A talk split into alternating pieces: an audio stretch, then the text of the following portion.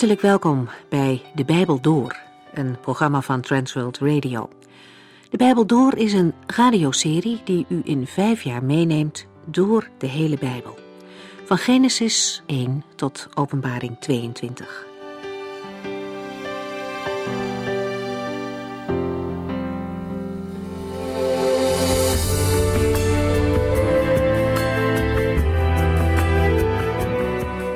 Vandaag gaan we verder met Genesis 33. Een geschiedenis die zich lang geleden afspeelde, maar eigenlijk nog heel actueel is. Hoeveel mensen leven vandaag de dag niet in onmin met een van hun broers of zussen?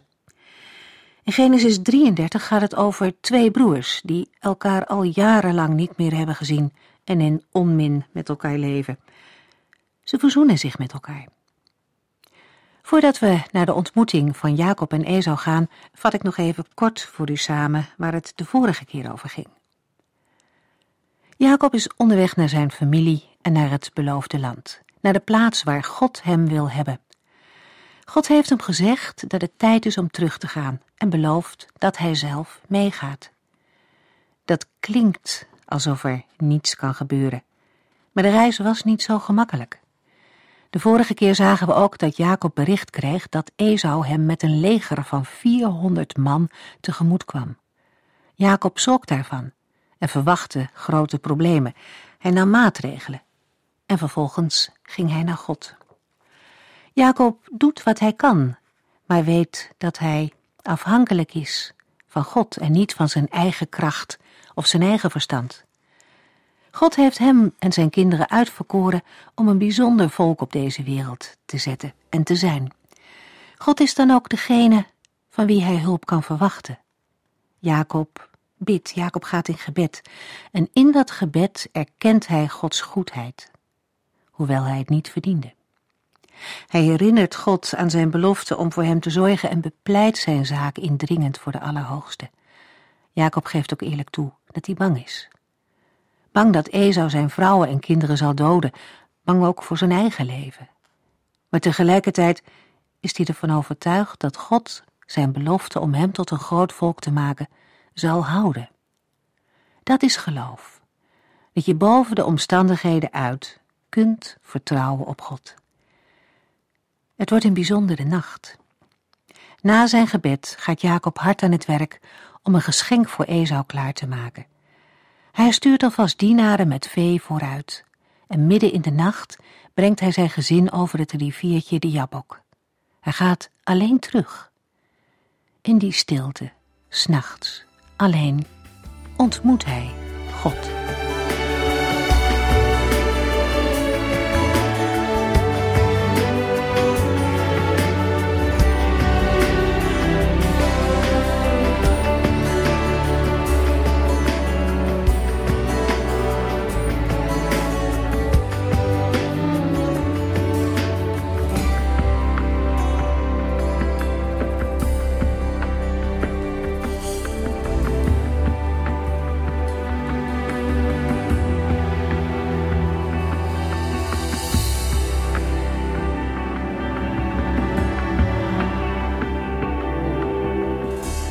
Vorige hoofdstuk zagen we het hoogtepunt in het leven van Jacob.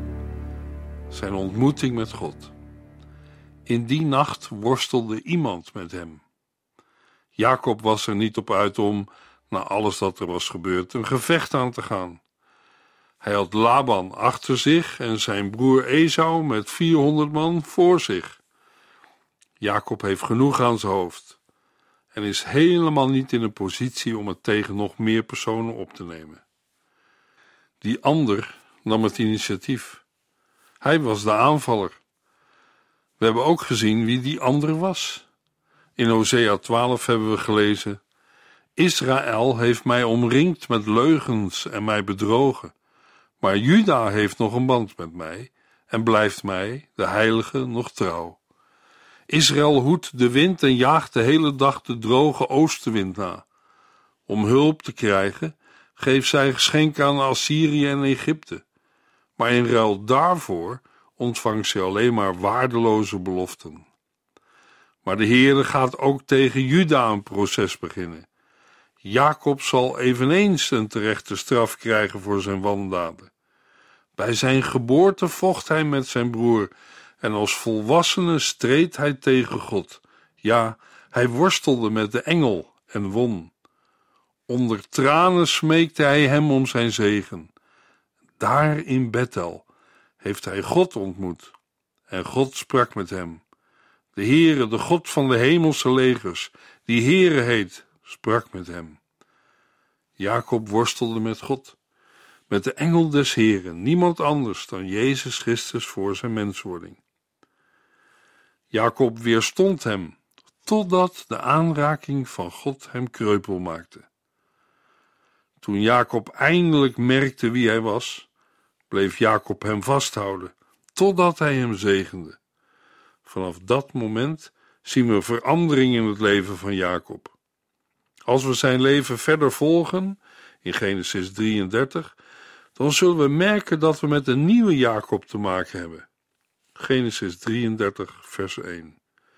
Toen zag Jacob in de verte Esau met 400 man aankomen. Tot op dit moment heeft Jacob geen bericht gekregen of de vijf kudden, die hij als geschenk vooruit had gestuurd, ook werkelijk aanvaard zijn. Jacob plaatst nu zijn kinderen onder de hoede van hun moeders, waarbij de kinderen van de slavinnen één groep vormen. Genesis 33, vers 2 en 3. Hij zette zijn gezin in een rij met zijn twee bijvrouwen en hun kinderen voorop.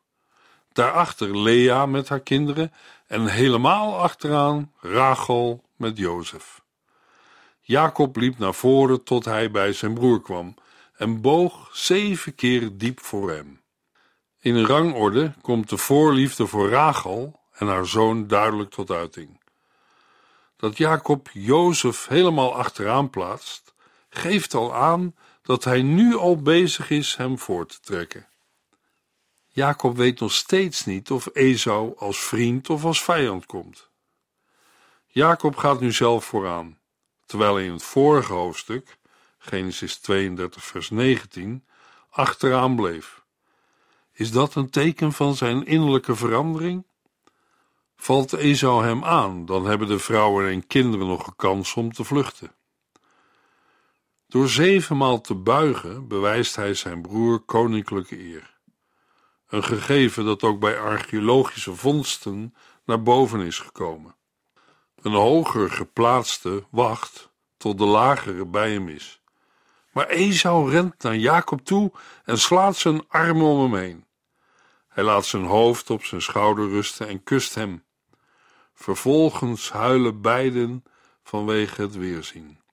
Genesis 33, vers 4.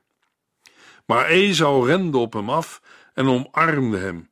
Ze kusten elkaar op de wangen en huilden. Er is geen spoor meer van de vroegere bitterheid. Van twee kanten komt het tot een onderlinge verzoening. Twee broers, tweelingen, hebben elkaar teruggevonden. Ze laten het verleden rusten.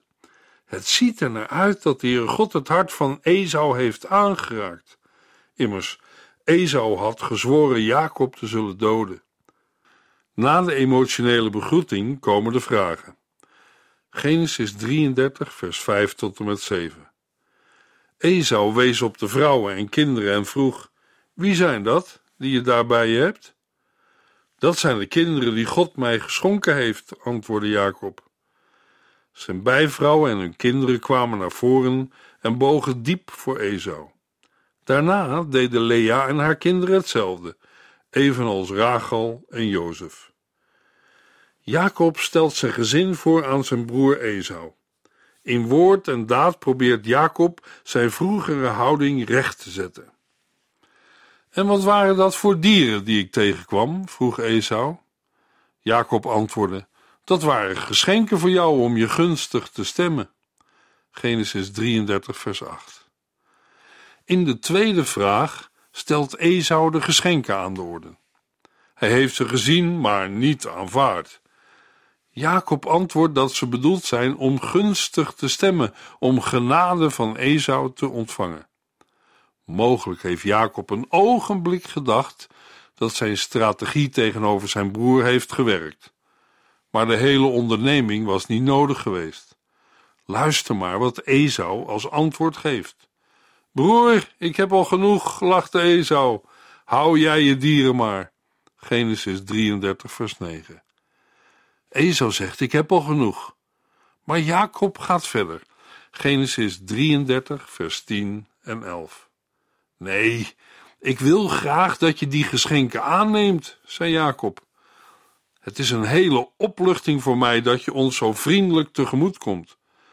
Dat ik jou in deze stemming mag ontmoeten, betekent voor mij evenveel als de vertroostende blik van God. Neem mijn geschenken alstublieft aan, want God is erg goed voor mij geweest. Ik heb toch alles, was Jacobs antwoord. Daarna nam Esau dan toch de geschenken maar aan. Het is een situatie waarbij je bijna in de lach schiet. In de voorafgaande tijd probeerde elk, zowel Jacob als Esau, iets van die ander te verkrijgen. Het gold zeker voor Jacob. Nu zien we Jacob in een hele nieuwe rol. Hij dringt er bij Esau op aan zijn geschenk aan te nemen. Esau zegt dat hij genoeg heeft, maar Jacob staat erop dat hij het geschenk aanneemt. Zo kennen we Jacob niet. Er is werkelijk iets met Jacob gebeurd. Het doet me ook denken aan een andere man uit de Bijbel, Zacchaeus. Toen de Heer Jezus hem uit de boom naar beneden riep en samen met hem naar zijn huis ging, gebeurde er iets met Zacchaeus. Hij was niet meer dezelfde man die hij was voordat hij in de boom klom. Als inner van belastingen, in die tijd waren dat de tollenaars, zei Zacchaeus dat hij niet langer de mensen zou bestelen en aan hen die hij had afgezet alles viervoudig zou vergoeden. Wat was Zacchaeus veranderd? Het was duidelijk te zien welk huis de Heer Jezus had bezocht.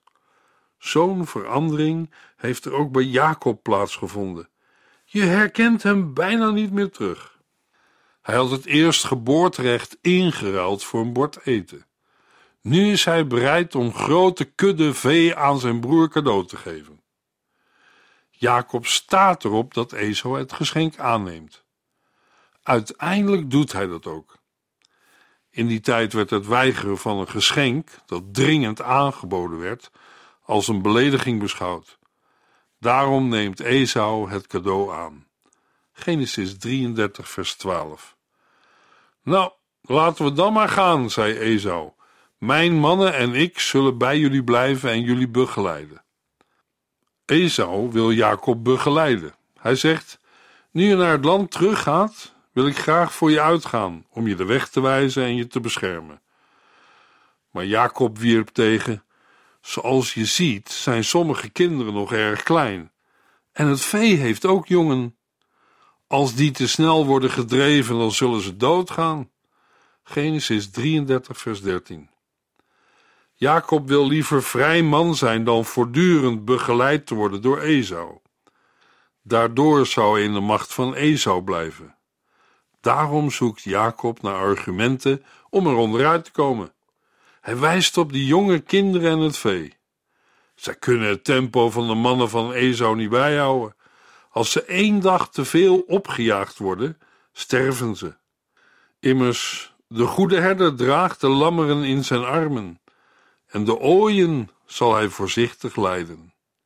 Jezaja 40 vers 11. Daarom stelt Jacob voor dat Esau alvast voor hem uittrekt, zodat hij op zijn gemak kan volgen. Genesis 33, vers 14. Ga jij maar vast vooruit. Wij volgen wel in ons eigen tempo en dan ontmoeten we elkaar in Seir. Jacob zegt tegen zijn broer Esau: Ik moet in mijn eigen tempo reizen. Ga jij maar vooruit. Het is niet duidelijk wat Jacob bedoelt met de uitdrukking: dan ontmoeten wij elkaar in Seir. Is het een verkeerde geruststelling om Esau weg te krijgen? Want Jacob gaat niet naar Seir, maar naar Sukkot, waar hij en zijn gevolg zelfs hutten bouwen. Wil hij op de duur naar het beloofde land Canaan en niet naar het zuiden, naar Seir? Seir ligt ten zuidoosten van de Dode Zee en valt buiten het beloofde land Canaan. Genesis 33, vers 15 en 16. Goed, zei Esau, maar dan zal ik een aantal mannen bij je laten om je te helpen en de weg te wijzen. Nee, hield Jacob vol, wij komen er wel. Doe alsjeblieft wat ik heb voorgesteld. En Esau ging diezelfde dag nog terug naar Seir. Esau stelt nog voor enkele mannen ter begeleiding mee te laten trekken. Een vriendelijk gebaar. Maar er kan ook enig wantrouwen in doorklinken. Nee, hield Jacob vol, wij komen er wel. Doe alsjeblieft wat ik heb voorgesteld. Dan geeft Esau toe en gaat met zijn leger terug naar Seir. De wegen van Jacob en Esau gaan uit elkaar. Het land Seir wordt ook wel Edom genoemd. Na de dood van Isaac verhuisde Esau naar de berg Seir. Later geeft hier God Esau de berg in bezit. Deuteronomium 2 vers 5. De ontmoeting met Esau is voor Jacob alles meegevallen. Korte tijd daarvoor had hij met een achtervolgende schoonvader Laban te maken. En God greep in door middel van een droom.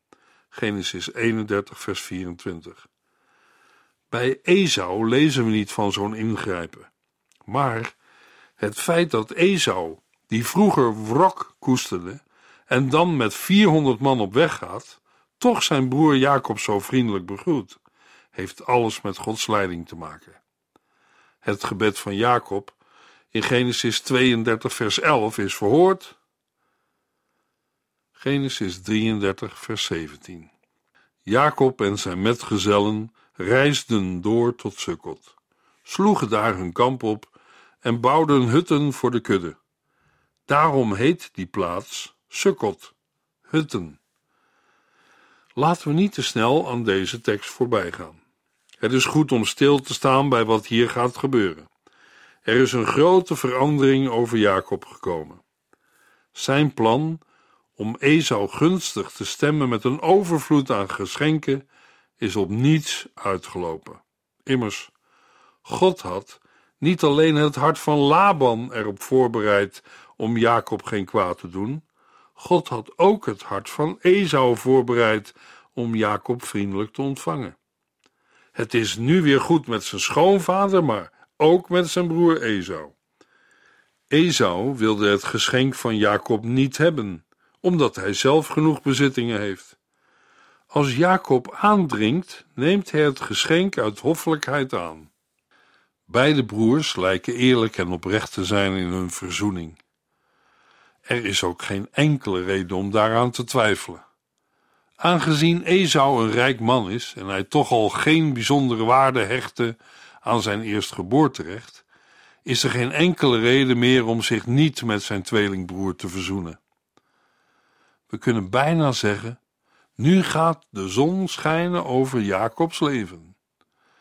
Laban is tot bedaarde gebracht en met Esau is alles verzoend. De Heere God heeft Jacob in de vrede en de rust gebracht. Het is alles Gods werk en leiding. Als Jacob het van eigen inzichten en slimmigheden had moeten hebben, zou hij gigantisch zijn vastgelopen. Mogelijk was hij dan op een gewelddadige manier aan zijn eind gekomen. Het duurt niet lang meer, dan zal Jacob terugkijken op zijn leven. Als hij dat doet, zal hij de hand van de Heere God in zijn leven zien. Jacob zal alle eer aan God geven. Maar de gevolgen van het kwaad dat hij heeft gezaaid, is nog niet tot volle wasdom gekomen. Er staan Jacob nog meer problemen te wachten. Esau rijdt weg naar Seir. We zien hem pas terug bij de begrafenis van zijn vader Isaac in Genesis 35. Na het vertrek van Esau gaat Jacob naar het westen, in de richting van de Jordaan. Jacob en zijn metgezellen reisden door tot Sukkot, sloegen daar hun kamp op en bouwden hutten voor de kudde. Daarom heet die plaats Sukkot, hutten. Het is onduidelijk waarom Jacob geruime tijd in Sukkot wilde wonen, voordat hij verder trekt naar het beloofde land. Een mogelijk antwoord is dat Jacob het verstandiger vindt om aan de andere kant van de Jordaan te wonen, zodat de rivier tussen Esau en zijn gezin ligt. Vermoedelijk heeft Jacob geruime tijd in Sukkot gewoond, zodat zijn kinderen de leeftijd konden krijgen die in Genesis 34 wordt verondersteld. Bij het vertrek van Laban waren Jacobs kinderen hooguit 13 jaar. Uit de bouw van de hutten blijkt dat de aartsvaders geen nomaden waren. Jacob trekt verder en komt in Sichem. Genesis 33, vers 18 en 19. Daarna kwamen ze veilig aan in Sichem in Canaan en sloegen hun kamp op buiten de stad.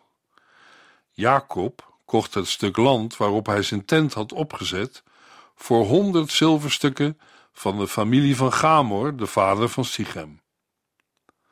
Uiteindelijk bereikt Jacob het land Canaan. Hij koopt er land en bouwt er een altaar. We hebben gelezen, daarna kwamen zij veilig aan in Sichem. Andere vertalingen hebben, toen kwam Jacob behouden in vrede bij de stad Sichem. Het is ook mogelijk te vertalen, toen kwam Jacob bij Salem, de stad van Sichem. Bij zijn komst te Sichem is Jacob weer in het beloofde land terug. Vandaar dat samenvattend nog eens gezegd wordt dat hij van Paddan Aram is gekomen. Daarmee zijn begin en eindpunt van de reis aangeduid. Ten oosten van de stad Sichem strekt zich een wijde vlakte uit, waar de veeherders verblijf kunnen houden. Jacob koopt voor honderd geldstukken een stuk land. Het is niet bekend hoeveel de geldstukken of de zilverstukken waard zijn. Uit Job 42, vers 11 valt op te maken dat het kostbare geldstukken zijn. Aan Job wordt één geldstuk en een gouden ring gegeven. Net als in Genesis 23 met Abraham bij Hebron over het graf van Sarah, moet de gemeenschap toestemming geven. Ook als één lid van de gemeenschap een deel van zijn bezit aan een vreemdeling verkoopt. Sichem en de andere zonen van Gamor gaan akkoord met de verkoop. Genesis 33, vers 20. Hij bouwde daar een altaar en noemde het: De God van Israël is God. Op eigen grond kan men een altaar oprichten. Jacob volgt hierin zijn grootvader Abraham na en zijn vader Isaac. Het altaar krijgt de naam die een beleidenis is. De God van Israël is God. Letterlijk staat er in de grondtekst: De God van Israël is El. El is bij de Canaanieten de hoogste God.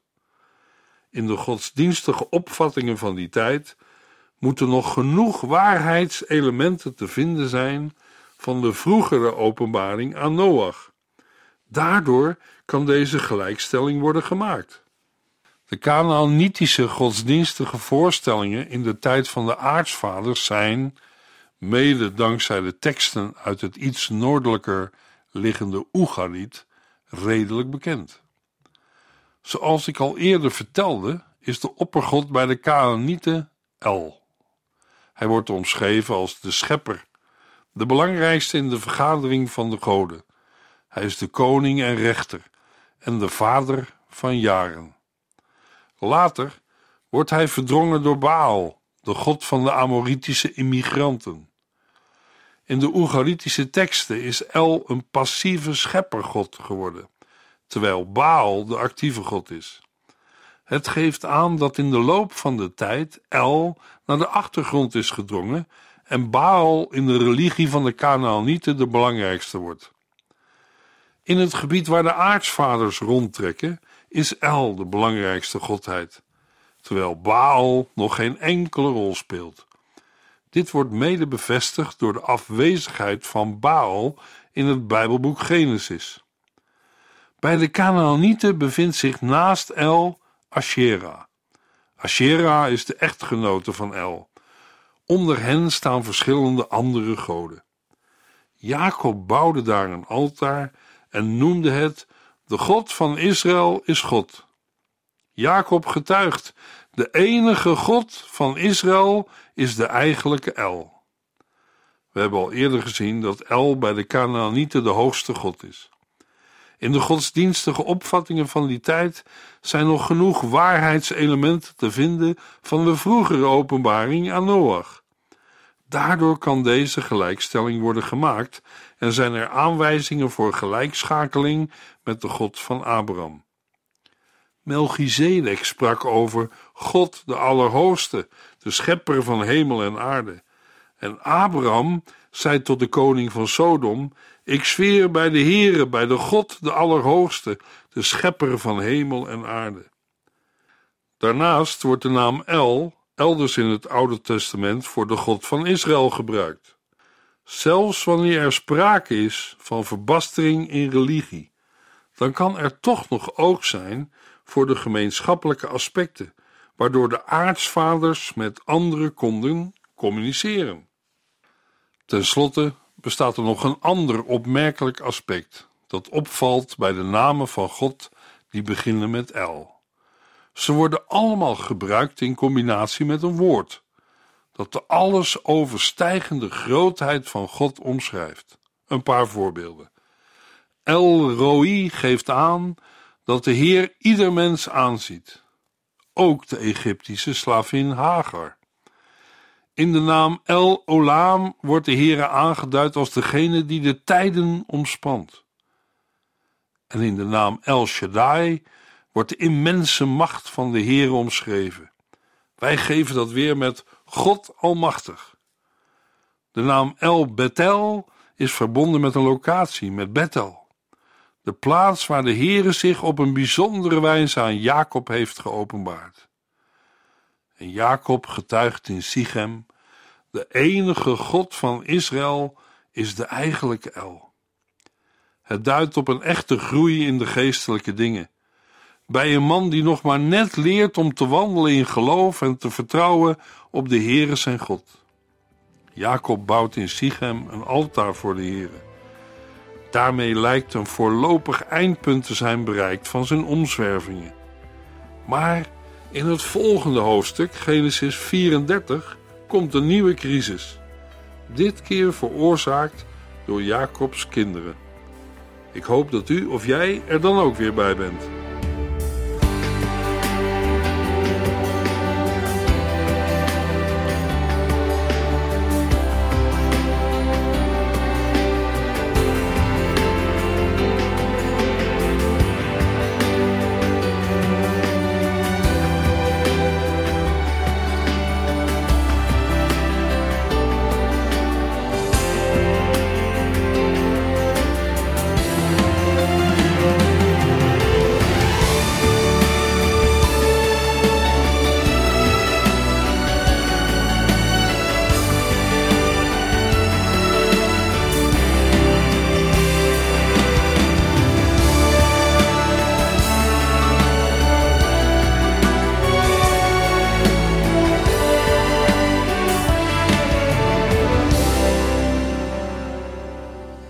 Geluisterd naar De Bijbel Door. In het Nederlands vertaald en bewerkt door Transworld Radio. Een programma waarin we in vijf jaar tijd de hele Bijbel doorgaan. Als u wilt reageren op deze uitzending of u heeft vragen, dan kunt u contact met ons opnemen. Tijdens kantooruren kunt u bellen op 0342 47 8432. 0342 47 8432. 32. Ook kunt u een e-mail sturen naar de Bijbel door transworldradio.nl en natuurlijk kunt u ook via de post ons bereiken. TWR, postbus 371, postcode 3770, AJ in Barneveld. Dit programma werd gepresenteerd door Cor Weda en Ike André. Techniek was in handen van Odin van Woerdekom. En wij allemaal bedanken u voor het luisteren.